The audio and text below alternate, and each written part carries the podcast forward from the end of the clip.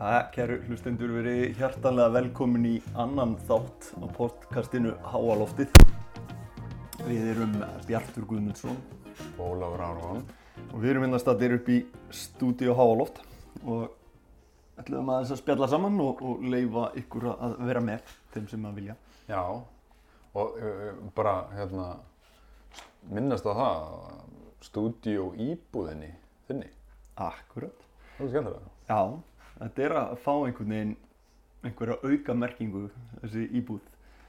Því hún er, hún er bara pínlítil og hún er mjög, mjög hrá eins og staðan er núna eftir að þess að, að gera ögn meira kósi en þetta er stúdíó, hún er háaloft og Það er góður hljómburður í þinni. já, hún held ég ágætur, glímur kannski svo litið, ég held að fólki verði að dæmi um það sem er hlusta.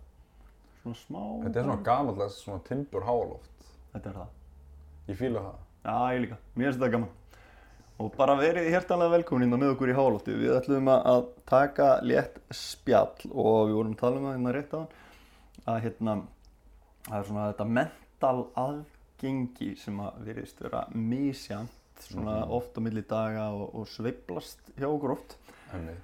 Og þú ert segja mitt að þú ert búin að vera einhvern veginn með gott mental aðgengi hvað síðustu tvo daga eða eitthvað svo já. og svo allt í núna þá svona er eitthvað að minka og að, að upplifur svona kannski að sé eitthvað að- að Já, lokast það er svona, maður, maður, svona, uh, það verður, það verður svona kannski ofnótkun. Þú veist, ég er búinn að vera á veist, svona, svona löngum, einhver svona brainstorming fundum og löngum símtölum og, og veist, mikið að pælingum og veist, þannig að maður er búinn að, maður er búinn að njóta góðs að mentalaðgenginu en síðan kemur kannski að þessum punkti það sem að, ok, það fyrir að hæja hans á apparatinu og það er auðvitað bara eðlilegt, sko. Já, já, og ég er svona lendi á aðeins á þeim stað í morgun. Ég var svo spenntur fyrir podcastinu. Mm. Mér langar svo, mikið sem er lang, lang, við erum búin að vera að hugsa um alla helgina og svo margt sem maður langar að tala um og svona. Og þannig í dag er svona, þú veist, ég er kannski ekki alveg þar sem ég vildi vera, en ég er samt hér. Og hérna, og, og, og við ætlum að tala um uh, einmitt þetta mental aðgengi og stundum er það gott og við erum fáum aðgengi að skýrum hugsunum og, og góðum hugmyndum mm. svo koma þessi mómenta sem að það er að bara aðeins minna og, Mhm. og hérna, hvað gerir maður þá? hvað gerir með það? og það vill svo til að það, þetta er kannski það sem að ég hef verið mikið að spá og spekulera í Mm -hmm. því ég hef upplifað í gegnum tíðina að vera mjög sveiflukendur þarna einhvern veginn. Bæði sko orkansi mismikil og mentalaðgengið mismikið og svona hugmyndaflæðið og, og úrræða uh, seminn mismikil. Þá til ég fór að kynnast þessu fyrirbæri sem að hérna, því ég var að, að skoða 2010 fór að skoða Tony Robbins sem er svona minn uppáhalds. Og hann, hann var að tala um hérna, state management. Og það er eitthvað svona að því ég var á, á svona vondum stað þá, þú veist, ég var lár í orku og einhvern veginn það var bara, ég var ekki að góða þetta og fór einhvern veginn að leika mig með þetta og fannst það svín virka svo mikið og, og þess vegna hugsaði ég núna, einmitt, þú talar um þetta mental aðgengi lítið okkar, því ekki bara tölum aðeins um það. Hvað er hægt að gera í og og hérna, þú veist, er að því að það er dagamunur, það er rétt en er hægt að snúa dögunum við, þú veist, er hægt að taka meiri stjórnæði og kannski er þetta bara að leika okkur aðeins með það, sko, að gera smá tilraunir. Því að ég trúi því að það er alltaf ástæða fyrir öllu, bara. Mm alveg saman hvað það er. Og þegar við erum með misgott mentalaðgengi, það er líka ástæða fyrir því, veist, það er eitthvað sem gerist. Já, já. yfirleitt eitthvað, þú veist, er varsvefnin nógu góður? Er maður nógu góðu, er mataræðin nógu gott? Er maður að stunda reglulega hreyfingu? Þetta eru svona þrjár grunnstóðir bara allir í orku og bara að, að við sjálf fungerum. Og ég er náttúrulega með þetta dæmi optimized performance og þar er þessi pælingbyrðu, hvernig get ég svona hámarkað mig og nú er ég bara að meina svona hámarka sig í, þú veist, bara daglegu lífi, ekkit endilega það að ég þurfi að fara á og verða afreiksmaður í einu en einu en bara hafa virkilega gott aðgengi að því sem maður hefur, sínum resursum, það er sínum innri auðlindum og hérna mental aðgengi er náttúrulega basically hlutur hluti af því þannig að hvað, hvað, hvað, segð mér frá hvernig, hvernig var morgunin þín Af hverju, já ég, ég vaknaði morgun átti að byrja á því að ég fór, fór út að labba. Ég veist rosa gott að fara út að labba á mótnana, það er mitt skýrir hugan. Mhm. Það er oft góður hugsanir á mótnana. Ég er oft bestur á mótnana. Svo átti ég langt símtal og, og, og svo fór ég á langan brainstorming fund.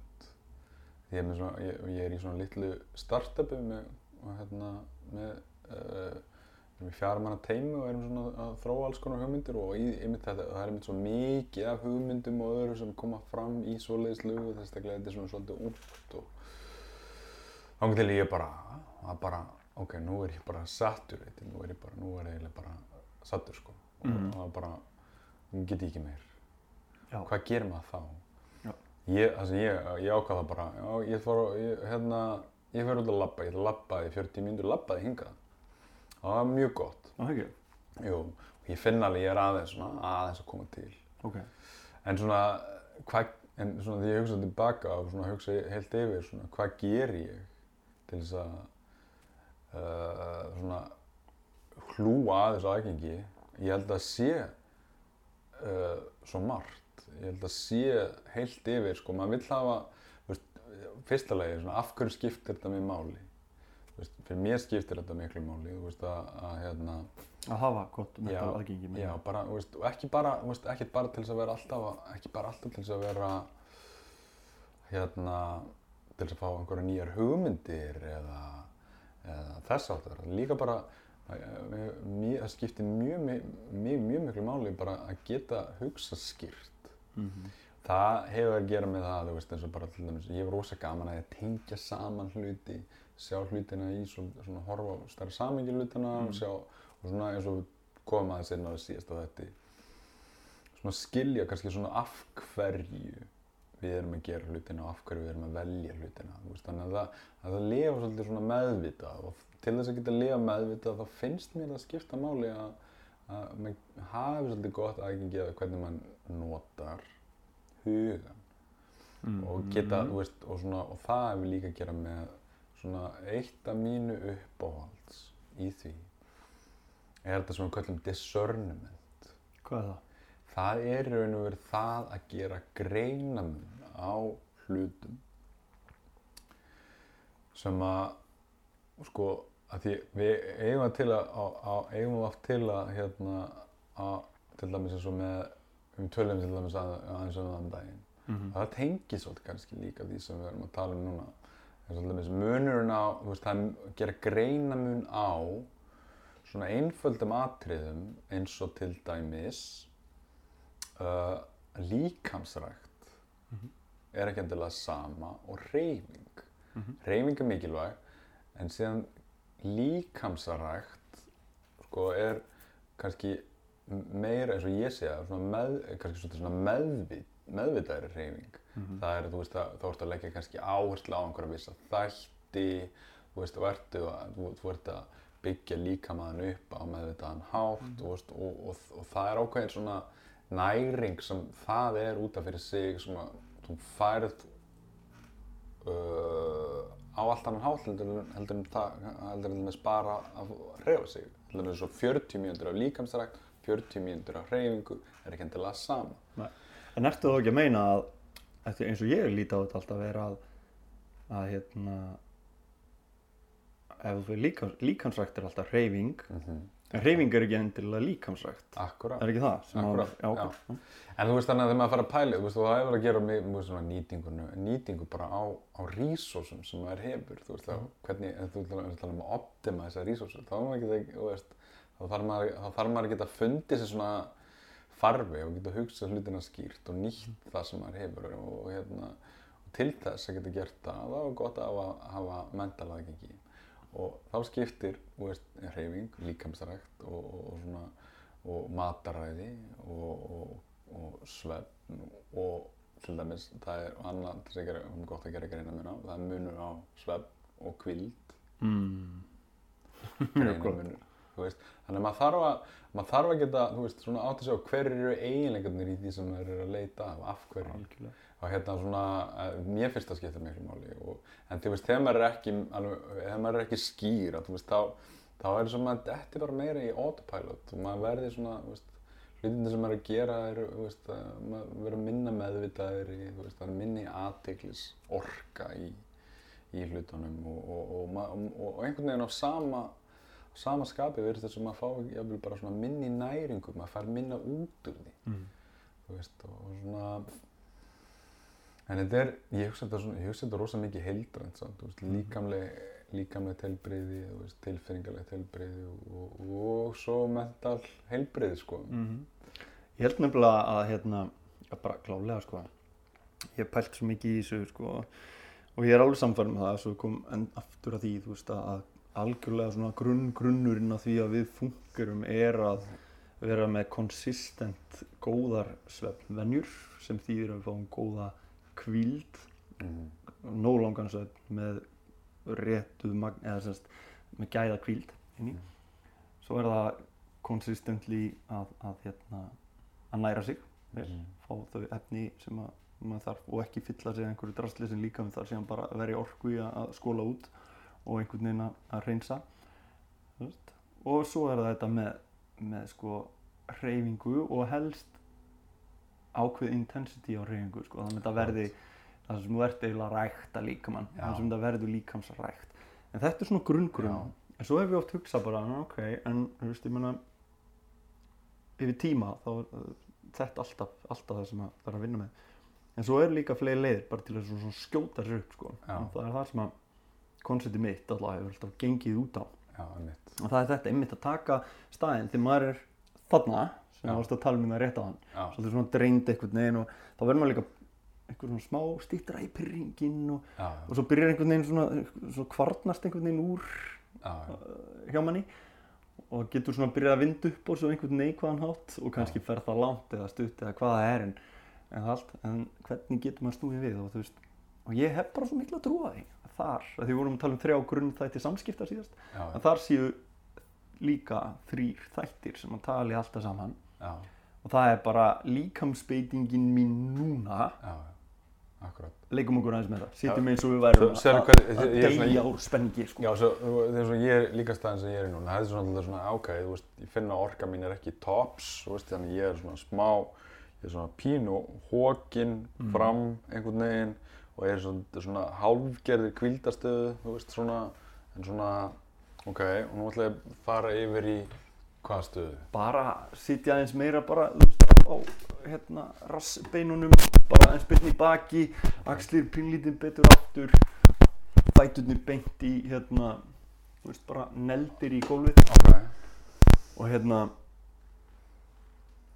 já, heyrðu það er einhver skruðningar já, það er hjá mér ok, heyrðu þetta ætla að færa hérna, líka mikrofónu minn hérna til svo Ok. gaman þegar við erum svona að byrja nú erum þetta, nú erum við að reyfa okkur, sko, nú erum við Já. erum disrupta hérna kerfinu hjá okkur, en alltaf er góð. ok, heyrðu, höldum við samt áfram Já, ok, þannig að nú erum við aðeins komin hérna upp Ok. og bara leikum okkur bara með þetta nú Ok. ætlum við bara að gefa okkur það að, þú veist, ef við værum spendir nú er ég svona, já, einmitt, við erum ekki, við erum ekkert spendir en ef við værum spendir já, þá myndum við sennilega hvernig væri við? þá myndum við sennilega vera aðeins meira svona það kemur bara orka í líkamann einhvern Já, veginn maður einmitt. fullur að til dæmis tilhlökkun eða eitthvað líka. Að þá leikum við okkur bara með það, ímyndum okkur það. Ok, ok, þannig að byrjum við bara aðeins að virkja betur líkamsbeitinguna og kerfið fyrir einhvern veginn að segja heilinn og, og, og miðtöðkerfið byrja að tala saman á annan hátt og heilinn færi betur í svona skilabóðum þá bara, heyrðu, við erum að bera okkur hérna eins og það sé eitthvað spennandi í gangi, það hlýtur að vera eitthvað spennandi í gangi ef þetta gerist nú lengi þar að segja. Þannig byrjum á því, ok, þannig að nú við aðeins að leika með þetta, svo er andlitið, það eru 43 vöðvar í andlitinu Já. og maður hefur heyrt um alls konar tilraunir og einhverjar uh, hérna, rannsóknir og annað í hvernig bros hefur áhrif á líðan okkar og bóðirna kerfið og eitthvað. Þannig að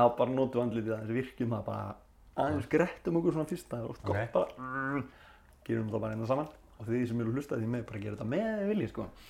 Hérna, mm, ok, mm, og svo höldum við svona léttu brosi bara eins og ef við værum spenntir og glæðir sem við erum Ok. klálega ekki en ímyndum okkur að við værum að já, Ok. og hérna svo er það næsti pól þetta er líkansbeitingin og við ætlum að halda þessu. Að halda þessu.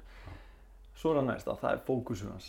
Og það það virðist bara vera þannig að, að hugurinn er alltaf fókuseraður á eitthvað, hann getur rosalega fljótur að flökta á milli og, og það.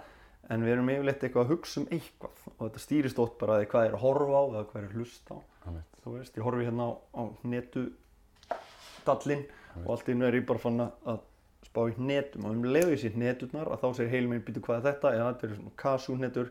Hvað þýðir þetta? Þetta þýðir, mm, góð leið til að upplifa einhverju góða tilfinningar. Þetta er, já, þú heilsa þetta já, þú du-du-du-du það kemur öll þessi merking bara hrúast inn í hausinn á mér. Hvort sem ég gerir mig grein fyrir það ekki. Og fyrir vikið segir heilin bara, er, um, viltu ekki bara reyna að komast nær þessu? Því þetta er jæmt og einhvers konar veljan og þannig að heilin er alltaf að leita einhverju til að fókusa á hann. Fókusa annarkort á það sem getur valdið okkur sásöka eða það sem getur valdið okkur veljan og svo er bara spurning hvar ég ver mest um tíma nú eða að við fyrir að taka stjórn á þessu meiri stjórn á þessu. Og hérna það þýðir að þegar við fókusum á hluti sem að valda okkur kannski einhverjum smá sásöka og nótabene þegar ég tala um sásöka þá er það bara allar neikvæðar tilfinningar hvort sem það eru pingu litlar eða stórar og sterkar sko. Einmitt. og veljaðan er allar jákvæða tilfinningar hvort sem það er sterkar eða, eða veikar. Þannig að til dæmis núna ef við bara hugsum aðeins um orkuleysi og mental hérna, svona orku að hún sé lítil.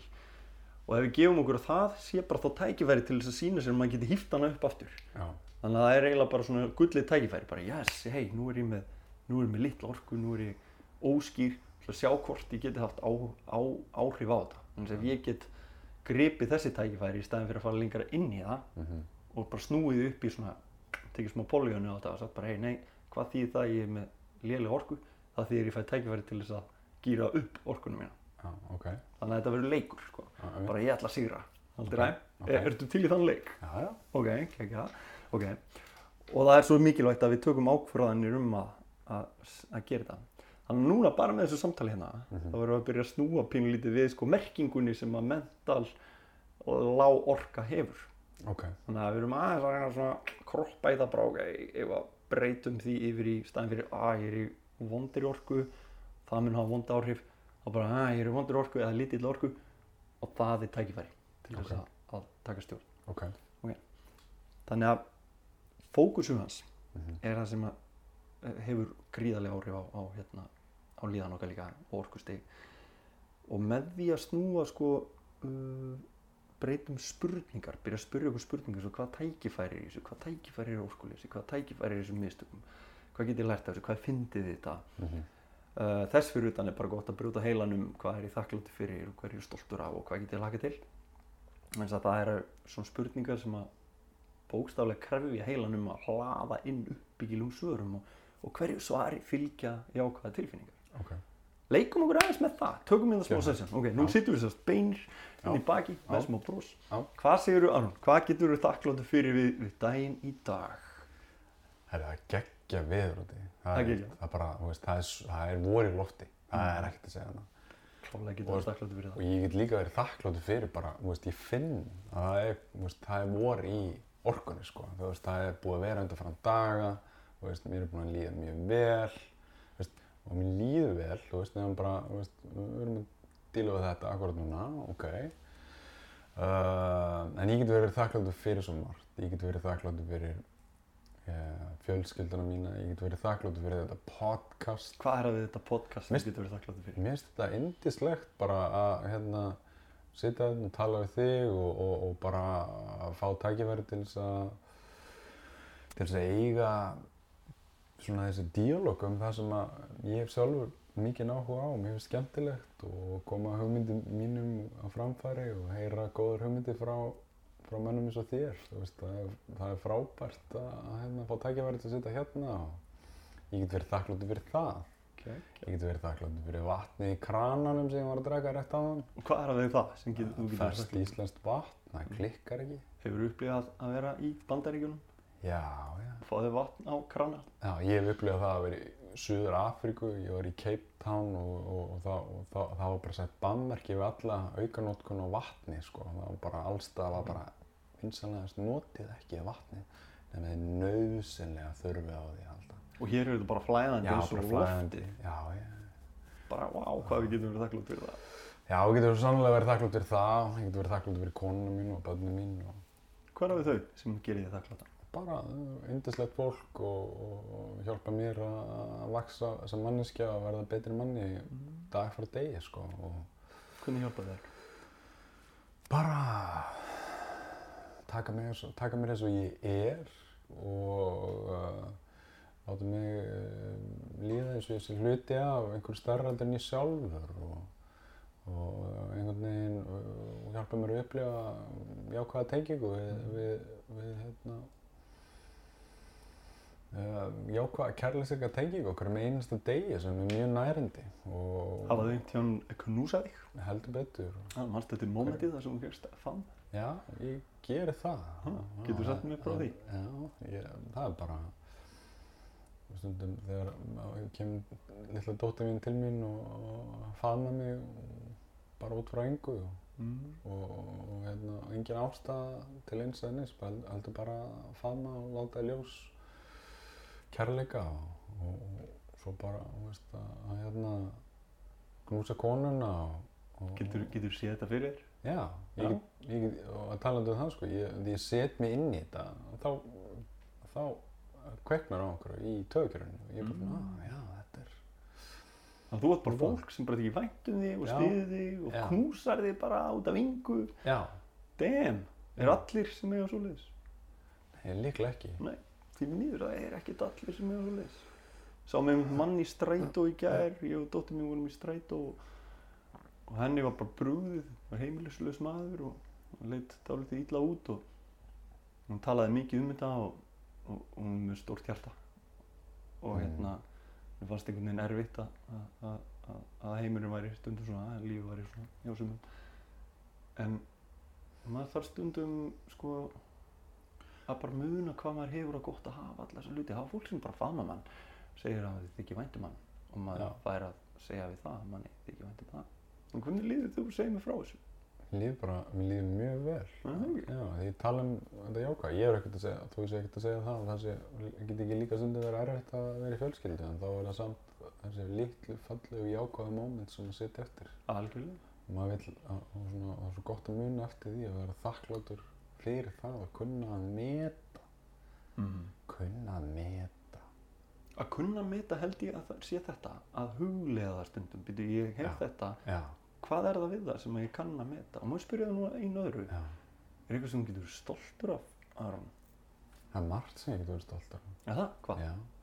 Bara, ég, ég, ég finn að ég er mjög stoltur af, þú veist, undanfærin ára, ég hef bara verið mjög fylginn í sjálfum mér í flestu því sem ég er að gera og, ég finn fyrir miklu vexti þar að lútandi, sko, og, og, og það hefur gefið mér ákveðin styrk og ákveðin að trúa sjálfum að ég, get gert ýmislegt sem ég vissi ekki áður að ég geti gert og, og ég er stoltur af þeirri tilfinningu. Það er samt svona stolt sem er svona líka þakklæti bara kakvart uh, þessu ferli sem lífið Mm. er sko. Segðu mér eitt, er eitthvað svona nýlega sem þú hefur gert, eitthvað skref sem þú tókst sem getur verið stoltur af? Já, ég, þetta skref til dæmis, podcast, þetta er eitthvað sem ég hef búið að blunda í mig lengi Mm -hmm. að gera og ég er stoltur af þessu skrefi, stoltur af að vera hér. Geggjað. Hvernig líður þú hugsa um það? Þú ert búinn að taka þetta skref. Það er rosa góð tilfinning. Það er eitthvað að fara að vaksa hana. Það losnar eitthvað úr læðingi þegar maður tekur skref, eitthvað sem maður langar til þess að gera og þegar maður tekur þessi skref og fer í gegn þá, þá gerist bara eitthvað í manni og, veist, og, og maður finnur að, að, að einhvern veginn og maður, það er og maður sé að vera trú sjálfum sér eða trú draumum sínum veist, þetta snýst þá ekkert endilega um veist, þetta snýst ekkert endilega bara um að ná einhverjum árangri í Mhm. hinnum ytri heimi þetta, þetta snýst þetta um að gera það sem maður sjálfur langar til þess að gera Geggjað. og, hérna, og, og ég finn það veist, og það skiptir mjög miklu máli að, að, að taka þessi skrif að þú ert búinn að gera það og getur hlakka til eitthvað, bara tengt þessu skrefi að það tekið þetta skref að bara byrja með þetta podcastið. Eitthvað sem getur hlakka til þar. heldur betur mér hlakka til bara allra samtalana sem að eiga ennþá eftir að eiga sér stað. Það er svo mörg skemmtileg topic Bjartur sem að er lifandi í okkur og svona mm -hmm. við erum að tala um í gegnum tíðina og fá vonandi endur nýjum lífdaga í þessu podcasti og ég er ótrúlega spenntur að, að, hérna, að, að ræða um öll þessi ástriði mál sem að hérna, vaka fyrir bæði mér og þér. Kekja, gerð nú eitt fyrir mig. Settu hendurna hérna bara eins og upp í loft, tökum smá powerpose sitjandi hérna. Þetta er bara eitthvað svona, bara standa svona eins og sést bara sigri hrósandi. Nú sitjum við hérna reyndar, báðir, bara mm -hmm. beinir í baki, alveg hendur upp í loft og svo svona fáránlega asnalegt stórt bros hérna bara. Mm, bara svolítið kjánu og við höldum þessu inni og svo bara öndum við og meðan við erum bara að taka þetta inn og hugsa þér allt sem þú ert að segja hérna að fara á núna aðan. Sem þú getur verið þakklátt fyrir, stoltur af og hlakka til, þetta er bara hlutir sem er núna í gangi í þín lífi Damn, það er alveg gaman að vera til sko. Já, Það er ekki? jú, Það er það. Og þegar maður svona, pff, já, svo bara tegja aðeins út þér líka í leiðinni og meðan þetta að gera þetta. En halda poweri í, í sko líkillinu þegar maður svona power posa er að, eru detailarnir sko, það er að hafa Ok. nú mikla spennu og rétt almenna úröllu og, og svona vera svolítið svona ímynda sér bara ef ég væri bara pff, búin að sigra, þú veist, eitthvað, eitthvað magna. Bara hvernig væri þá, ja, akkur þarna sé ég, þarna sé ég, sko, nú er hann byrjaður að, að maður sér hérna nú ertu ánægð með sé, já, nú er ég ánægð með henni, ég sé það á brosinu sko, nú er eitthvað að byrja að gera sko, líka minn nefnilega segir manni oft svo hvaða tilfinningar eru, á, eru að flæða sko. og hérna nú erum við búin að leika okkur með líkamsbeitingu og fókusu hans sem nú það benni, mér finnst alltaf best að stýra bara með spurningum. Og nú erum við búin að liggja aðeins hérna og, og, og velta okkur upp úr svona jákvæðum spurningum. Mhm. og meðan við erum í sterkir líkamsbeitingu. Og þá kemur það síðast að það er bara einhver mantra Mhm. þú veist, ég nota stundum bara eitthvað ég er bjartur sé, heyri, finn og veit að ég fucking rocka, yes og líkillin þegar maður nota mönturur og svona dót, að mínum að því, eins og ég nálgast þær er að gera það af sannfæringu og svo allir poweri sko. ég er alltaf að hugsa um þetta hvernig get ég aukið powerið Mhm. og það má líka gera þetta til að róa sér niður en ef maður ætlar að gera upp orkuna þá þarf maður að gera þetta svona svolítið poweri en, allir vera bara að finna einhverja setningu sem þið tengja sjálfur við sko. Þannig að hvað, eitthvað sem þú tengir við Já, ég bara, ég fer stundum þess að möndru, ég, ég, ég elska að verði sjálf með eins og ég er. Ég þakkláttur fyrir að vera sá sem ég er. ok, Það er í raun sá sem ég er. kækja, getur sagt það aftur að enda meira poweri Ég elska og virði sjálf með eins og ég er. Mm. Ég er þakkláttur fyrir sjálf mig. Þakkláttur fyrir að vera sá sem ég er. Það er í raun sá sem ég er. yes, vel gert einu sinni enda meira Ég elska og virði sjálfa mig eins og ég er. Ég er þakkláttur fyrir að vera sá sem ég er. Það er í raun sá sem ég er. Ah, anda djúpt inn út djúpt inn nefið út um munnin endur niður ah, hvernig líður? Vá. Herru, þetta svím virkaði, Bjartur. Já, þess að hlaðast Jú. Ha, ég, ég, vá. þarf oft bara svona smá til þess að, að þú veist, ef það er fann að koma einhver svona tregða í mentalflæðið og orkuna Já, já, já. það er bara aðeins býtu, hvað er að gera með líkamannum já, ég ætla að beita mér aftur eins og ég sé fullur af orku. Ég ætla að fókusa aðeins á bara það sem ég hef það sem ég vil og það sem ég get. Og svo enda á einhverju setningu sem við tengjum við. Þú nota þessa, ég nota bara eitthvað svona ógeðslega einfalt eins og ég sé, heyri, finn og veit að ég fucking rocka, yes! Þú veist, Já, og bara gera það nokkur sinnum. Já, og það þetta er einhvern svona stuða mann aðeins. Og orkan Mm. kemur aftur. Inn, og svo er bara snild að hérna, að því ég er að, að hlusta á hérna bókina 5 second rule að segja bara 5, 4, 3, 2, 1 og neglaði það sem maður ætlar að gera. En svo er svo ánað með, sko, svo stóð fram ég mitt talandi um fe- se- þarna 5 sekundarreglan hjá og Mel Robbins. Mhm. Frábært, sko, stöf. Þetta er svo Mhm. einfalt og svo praktist. Þetta er svona, þetta er svona biohack, eða ekki, mætti segja. Jú, En þetta alla- er það en Já. þetta er bara eiginlega, ég er nefnilega, já, ég er ofta að hugsa með er- biohackið sko en Já, já, þetta en- er biohack Já, ég meina að segja það bara, þetta er bara svona, þetta bypassar, þú veist, áður en að undirmeðunin er búin að ná þér og svona draga úr uh, framkvæmdinni eða ákvörðunum að gera, Mhm. þú veist, og þá gerur þú, telur bara niður og svo bara, svo framkvæm, Mhm. er það ekki? Jú.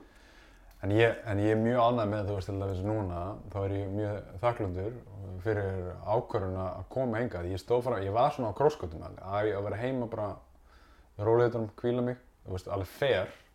eða á ég að standa við það að, að mæta og halda áfram Já, ok. og ég halda áfram í, í, hérna, í, í þessu spennandi verkefni og, veistu, og, og ég, ákvað, ég, tók ákvörðun um að gera það Mhm. en svona en var fókus, með fókusin svolítið á ok, ég er ekki alveg þar sem ég vildi vera. En, en mjög áhugavert að fara með það út frá þeirri nálgun. Svo er það kannski allt í norðin að fókus. Þá er ég farin að kannski hugsa um skort. Þá er ég allt í einu bara komið þangað. Og þá kannski, þú veist, svona þá kannski svolítið uh, erfitt að, að hérna að ná sér tilbaka bara fyrir maður, þú veist, einhvern veginn er búinn að gera eitthvað eða Mhm. hvíla sig eða Mhm. eitthvað slíkt. En þetta er hérna mögnuð nálgun, mög, mög, mögnuð aðferð berður Ég, hún hefur alltaf virkað rosa vel fyrir mig. Nú tek ég eftir því að hérna, mikrofónin hafi dottið inn á peysunum minni. Þannig að það er búið að heyrast örgulega svolítið lágt í, í mér núna en, ok, en þá líka þetta alltaf að hugsa bara, heyru, ok, hver er gjöfun í því?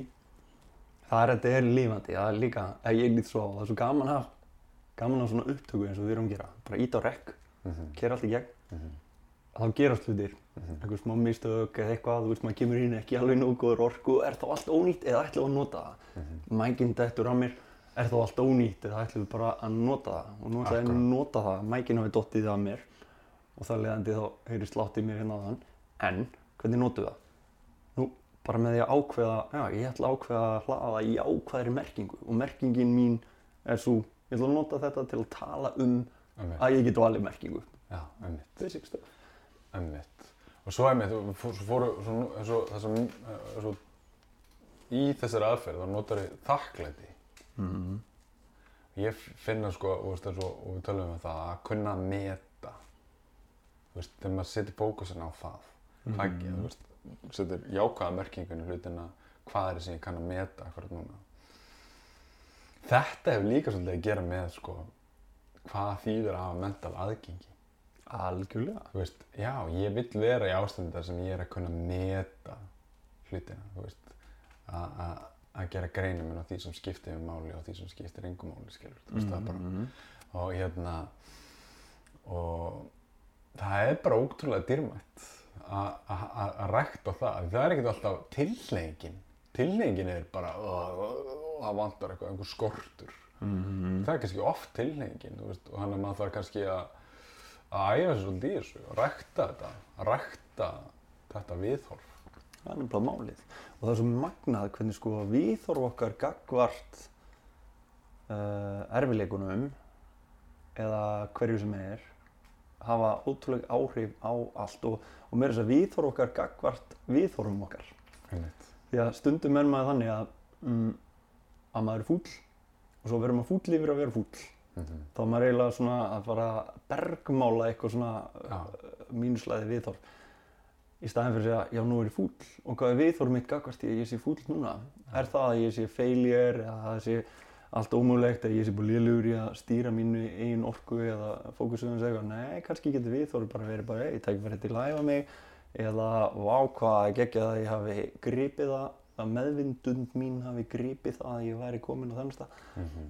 Þú veist, við getum, við getum tekið jákvætt viðhorf á neikvætt viðhorf. Mér finnst það svo geggjað og Já. ég las einhvern tíðan uh, einhverja hérna um, um sem sagt um, já, bara einhver lærða rannsókn í mann ekki alveg.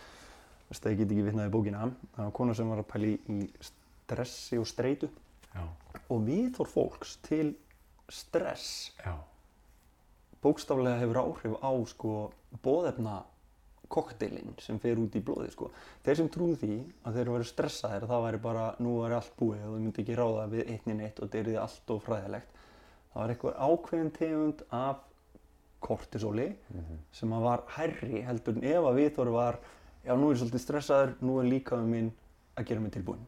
já, Þá, þá kom bara önnur efna, önnur efnaskipti já, og þeir sem höfðu þetta uppbyggilega viðhorf gagvart þessu ástandi sem við köllum stress og streita eða kvíði þeim gekk bara miklu betur. Þau bara heldu áfram og allt það. Já, versus hinn, þau lömuðu sko, þau meiri tilningu til að, að fara inn í lamendóta þannig að við getum alltaf einhvern veginn stýrt þessu en þetta snýst allt um breytingu nei, um, um merkingu fyrir ekki og ef að maður er á verði bara stöðut á verði um hvaða merkingu er ég að leggja í upplýðanum mína þá getur maður gripið sig. En þetta er svo einfalt sko en þetta er ekki endilega auðvelt.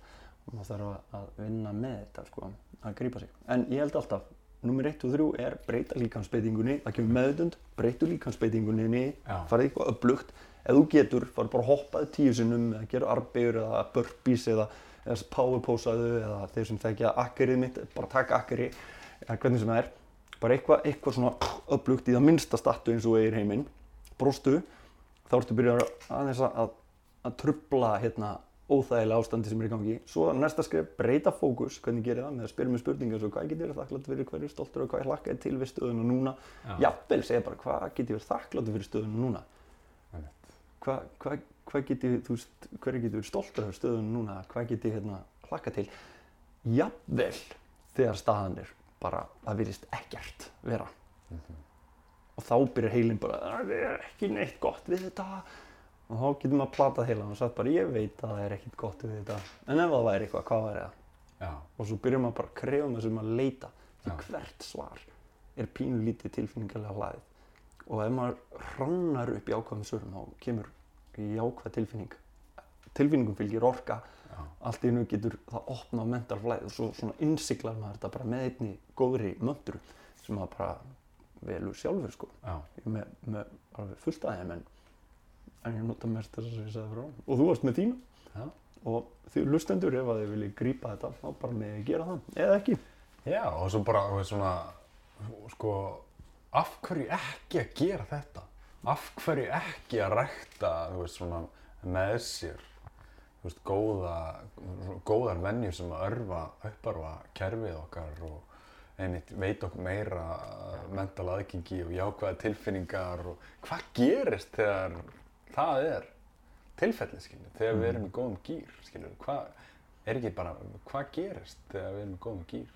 Það gerist ekki þegar við erum ekki í góðum gýr. einmitt og þarna kemur að þessari mikilvægu spurningu sem er bara af hverju ætti ég að gera það? Já, eða af hverju ætti ég ekki en, en það sem gerist er það sérst uh, kona sem heitir Barbara Fredriksson hún er svona í jákvæðu sálfræðinni og búin að pæla mikið í sko þessum áhrifum sem að líðan okkar hefur á, á okkur. Mhm, og hérna og hefur komist að því að í sterkri jákværi líðan að þá bara fungerar heilin betur. Það opnast betur á aðgengi okkar að, að upplýsingunum sem eru þarna inn í hausnum okkur. Við förum bara muna betur dönskuna frá því barnaskóla. Þú veist, við förum að, að hérna, við munum nöfnin betur versus þegar við erum illa fyrir köllu og mann var ekki einu sinni nöfnin á krökkunum sínum maður þýlur upp öll önnur nöfn áður maður svona rambar inn á nafn á Já. barninu. Þú veist, við bara munum betur. Það er bara betra að upplýsingum. Heilin hefur betra að upplýsingum.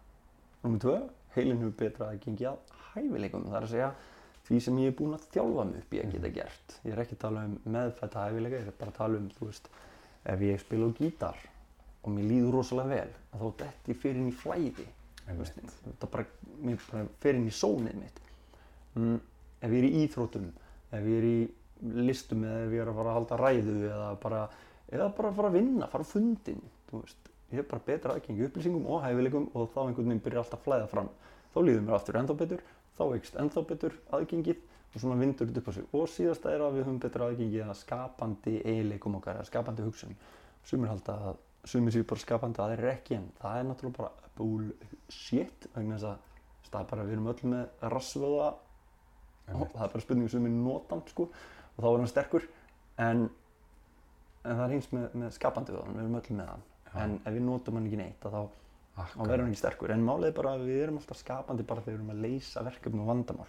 Þá þurfum við að vera skapandi. Þá þurfum við að setja saman hluti, prófa þá erum við skapandi þannig að eru allir skapandi og mismundi sviðum auðvitað er hægt að æfa sig sko bara direkt í að verða betri í eins og með ræktina Já. þú veist. en þetta er það sem gerist þegar þið líður vel, þegar núna bara eftir þessa litlu rútínu þá eru við þá er bara að byrja að hækka sko ákveðin efni í blóðinu það er bara aðeins meira testosterón í blóðinu það verður aðeins meira endorfínum og dopamíni og, og kortisólið mingar og það kemur betur balans á, á hérna á, á adrenalínin og, og, og bara fer að fungera betur af því að þetta sem við gerðum Já, hafa áhrif á líkansbeitingu, fókus og orð hefur áhrif á efnarskipti líkamans. Já, það opnar aðgengi heilans að öllum þessum auðlindum. Það gerir að verkum að nú hefur þú meira að móða til þess að takast á við hvað sem er, bara þetta samtal. Já, einmitt. og það gerir að verkum að ákvarðanir verða oft betri eða djarfari eða eitthvað verða yfirleitt aðeins betra quality í ákvarðunum Já. aðtapnir verða aðeins betri, útkoman verður betri Já, og svo kannski, maður, og kannski verður maður talað um samskipti og annað og, og verður Mhm. maður kannski jafnvel, maður verður kannski jafnvel, ég betur í samskiptin. Við kemur kannski betur fram með hana fólk. Já. meiri, veist, já, jákvæður og góður efnakoktel, það efnaskipta koktel í, í blóðinu og Mhm. það hefur áhrif á hvernig maður eh, kemur fram með aðra og, og hérna, hvernig, öðrum, hvernig við látum öðrum í kringum okkur líða. það gerir það, ég held að það sé svo mikið grunnur sko, fólk í velíðan yfir höfuð, svona genir allt bara er frábært sko, Já, þú veist ég meina við höfum öll öll gert alls konar mm gott og slæmt. Hvort, hvernig sem við dæmum það um, en oft á tíðum er það bara það að við vorum á vondum stað okkur leið ítla og þá höfum okkur ekki vel. -hmm. og svo leið okkur betur og þá fyrir við að hafa okkur betur. Veist, þetta er svo mikill grunnur, líðan okkar hefur áhrif á bara alla hefðun og ákvörnutöku það sko velíðan virkjar yfir höfuð uppbyggilegri viðhorf. Þannig að hérna þú veist, hálfviti í veljan hann getur verið frábær þú veist, þekki ekki allir einhvern yfirmannin sem er all- alltaf alltaf á hotnum sér og maður er allir bara svo einn daginn mætir hann úsla kátur og er bara eins og þú veist frábær. Það er allir bara já, já, já, geggja þetta en síðan ef hann er eitthvað illa fyrir kallar þá hafa hann sér helviti umöðlega og svo er til frábært fólk sem er eiginlega alltaf frábært en svo kemur það og því líður ekki nógu vel og þá allt innum fyrir að stundum eitthvað haga sér skringilega ekki nógu vel. Líðan okkar er ótrúlega grunnur. Og annað sem er svo magnaði þessu að því að í veljan höfum við betri aðgengi að upplýsingum. Mm -hmm. ok, segjum nú ég fara á námskeið hjá þér Mm í, þú veist, áhrifaríkum samskiptum. -hmm. og það er fullt af góðum verkfærum og aðferðum sem ég alveg bara punkta niður og, og svona. Svo fer ég þannig út. Svo lendi ég í því að ég er að lappa fram hjá drullupolli, kemur bíl og pff, skvettir yfir mig rennandi blöytur og ógislegur og, og, hérna, og ég læta það fara í með eða merkingu sem bara, "Ah, nú er dagur, nú nýttur og eitthvað svona. Og nú byrja kortisólið að að þjóta upp og, og alltaf og nú er ég komin á vondan stað og nú lokast aðgengi mitt að upplýsingum þannig að nú ætla ég að fara og hitta eitthvað fólk og nú er ég að fara að vera í samskipt nú mann ég ekki einu svona eftir aðferðum sem þú varst að kenna mér á námskeiðinu af því ég hef svo lélegt aðgengi versus ef að ég myndi segja að það kemur annar bíl skvettir í mig og ég bara ok, ég ætla, þú veist, þetta er fyndið, hvað er fyndið þetta, hvað er skemmtilegt þetta, hvernig get ég notað þetta? Þannig að það actually verið til þess að að ég fari og segir síðan söguna bara því þegar bíl skvettir í mig. Já, og nú er allt að gaman, nú líður mér betur. Og hvað gerist, nú mann ég allt einu eftir einhverju sem þú sagðir á námskeiðinu og þá eru margfall líklegri til að nota það. Við notum ekki aðferðir sem við munum ekki eftir í mómentinu, það er málið. Og aðferðir yfirleitt virka þú veist, flest allar aðferðir virka misvel og allt það en, en það, er, það er virka minnst þegar við munum ekkert eftir þeim en þá notum við það ekki. Já, og það er einmitt sko, þetta uh, svona, uh, það, það tengir svo mikið því að svona, hver, veist, að, við, að við þekkjum líka svona, já ok, við verðum fyrir einhverjum triggerum, verðum fyrir einhverjum, einhverjum aðstæður, gerist eitthvað þú veist, sem gerist fyrir okkur öll. mm En svona, hvenar erum við komin inn í bara einhvern spíral, hvenar erum við komin inn í bara einhver, einhvern autopilot, þú veist, og, og það gerist fyrir, þú veist, gerist fyrir okkur öll. algjörlega En síðan, en síðan er þetta svona sem að, sem að vaki fyrir mér. Þú veist, hversu, hversu, hversu mikla, þú veist sko, uh, hversu mikla ábyrg getum við tekið á ástandinu. mm. Þú veist, hversu, þú veist, og þar af leiðandi sko, uh, jú, við erum með, uh, við hefum öll heyrt fullt af góðum leið, heyrt fullt af góðum leiðum og lausnum og, og, og við hefum, að vita kannski mjög margir eða ekki flestir, þú veist, já, þú veist, hvað þurfum við að gera, Mm. en síðan er það bara, þú veist, síðan er það bara, hversu mikið viltu eða hvað, skilur, hvað, Já, það er alltaf grunnurinn er sko fyrsta leið þá verður maður að vil, virkilega vilja þú veist, ef, ef mér langar að vera góður í samskiptum þá fyrsta skrefið er bara mér, la- mér verður að langa sko blóðlanga að verða betri. Einmitt, og þá, nú þá er það ekkert svo mikið mál. Ef mér langar að taka ábyrð á líðan minni eða þú veist, ef ég á að gera það þá verður mér að langa það. Mm. ef mér langar það ekki, þá er ekki einu svona að fara að reyna. Númer tvö, þú veist, við þurfum líka að trúa þessi hægt. Ég þarf að trúa að ég geti bætt mér samskiptum. Við stundum langar okkur að bæta okkur samskiptum við trúum bara að ég geta bara ekki, ég er bara fættu liðlugur samskiptum. En þá er bara Já. ólíklegt að ég leiti leiðana Já. og þá yfirleitt gengur það ekkert vel ef ég ætla að taka ábyrgð á líðan minni. En ég trúi bara að það sé ekki hægt af því að, veistu, meina, mann bara líður stundum vel og stundum illa og allt það. En þá reyni ég það ekki. Veist, þannig að ég þarf að trúa að, að, að mér verður að langa ég verð að trúa að það sé hægt að gera það. Og síðasta er ég verð að trúa að það er ég sem er ábyrgur fyrir samskiptum það er ég Já, sem er ábyrgur fyrir líðan minni.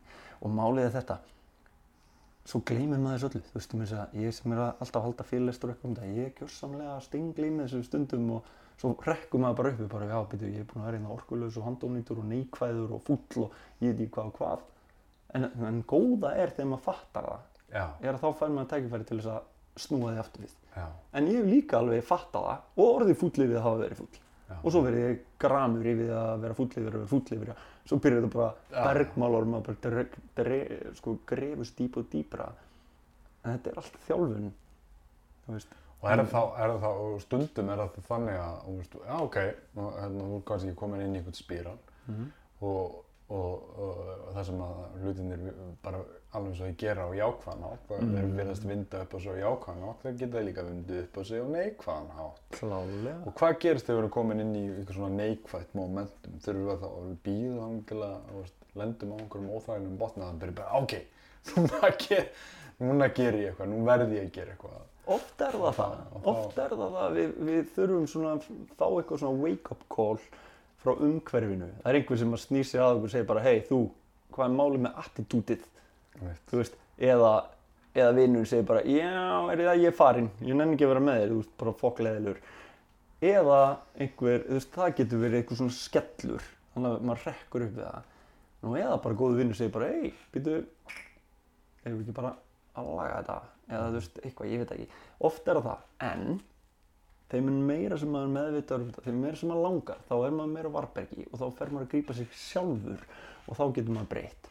Þú veist, en, en, en maður verður líka að þólinn með því, kakvart sjálfur sér að, að veist, þó þetta sé einfaldi hlutir að þá hérna, tekur smá tíma og maður þarf að kunna aðferð og þetta er allavega svo aðferð sem að mér er stolt að best að byrja, breyta líkansbeitingu, breyta fókusugans, breyta orðavali og halda þetta út í 2-5 mínútur. En, en svo, svo er eitthvað svona áðurinn fyrir að uh, ljúka þessu góða sessjóni, þetta var frábært og, og, hérna, frábært að fá veist, þessa áminningu, þessa upplýftingu og bara hérna, hvað maður hvað maður getur en gert mikið sjálfur. Mm. það er svolítið svona veist, áminningin fyrir, veist, og, og, og það að taka ábyrgð á ástandi sínu. Það er ekki, bara, það er ekki alltaf aðstæður það er, að, það er að, alltaf eitthvað sem maður getur gert.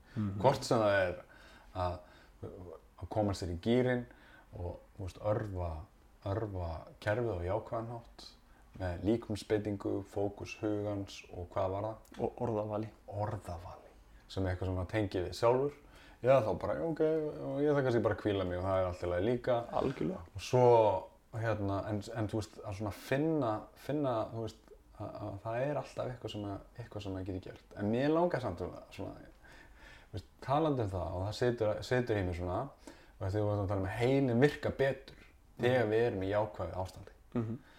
Er samt ekki, er það ekki kannski vísbending um það að það er kannski bara til dæla náttúrulegt ástand að vera í jákvæð ástandi. Ég held.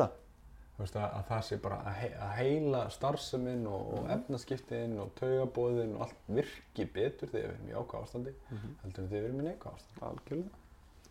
Algjörlega. Ég held að það sé vísbending um það. Að það er ekki svona, kannski þegar við erum uppi stæði, er það, er það hérna, ekki uh, að vera jákvæður og vera, það segja, gott og, og heilbritt viðþorf og með gott aðgengi er ekki, er ekkert endilega uh, eitthvað að vera öðruvísi heldur en, heldur en grunn kannski með margir í, í svona, hve, svona, hvernig maður kannski upplifur oft tóni í samfélaginu, heldur er það bara eðlilegt og heilbritt að vera og rækta með sér jákvæð líðan og, og, og jákvæð ástand. Ég held það. Og fyrir utan, svona slá botnin í það, þá held ég að jákvæðni er bara þegar maður fókusar á það sem maður hefur fókusar á það sem maður vill og fókusar á hvað maður getur gert til að komast okkar Mhm. neikvæðin er þegar við fókusum á skortin okkar fókusum á hvað við viljum ekki Mhm. og fókus fyrir að trúa því að við getum ekkert gert í stöðinni það er neikvæðinni og það er bara ef við getum, og máleginu blöta þú getur jákvæður við erfiðar aðstæður. Það sem að einhver, einhver erfiða tilfinning að kikka inn en ef þú snýr þessum fókus aðeins við þá fer að horfa á erfiðu aðstæðunar, erfiðu tilfinningarnar út frá jákvæðum sjónarhóli og þú getur snúið því við. Og það mun alltaf gerast aftur aftur, þú er alltaf að, alltaf að vera að snúa alls konar hlutum þér í vil. Og þetta er þetta fyrir bara seglum þetta í vindi, vindurinn bara blæs þú getur ekki haft þau bara alltaf eins þá bara blæstu í takt við vindin þú vilt ný, virkja vindin og það gerur með því að velta fyrir byrju hvað hef ég þá núna? Já, húsið mitt brann, en hvað hef ég núna? Já, losnaði við helvíts innréttinguna þannig sem ég þóli, nei, þú veist, ég veit ekki. Nú er ég tækifæri til að- finna eitthvað eh, sjálfan mig á einhvern da, og hvað hef ég, já, ég veit að fólk og ég hef þessu hinn ég bý í Íslandi, ég hef hef þetta, ég vinnu, ég hef hilsu, ég hef mm, hvað get ég gert til þess að taka skefi, já, ég get hringt í þennan, já, ég get, get, þú veist, nú byrja ég bara að koma hreyfingu á þetta og svo þarf ég að fylgja eftir með aðgerðum. Og þá byrja bara hlutirnir að gerast. Um leiði við aðhefst, talveg eins og þegar við byrjuðum tókum skrifið, bara hjóluðum í podcasti, gerðum það. Og þá byrjar þetta sem við tölum alltaf um momentum eða skriðkraftur Já, í nýja átt.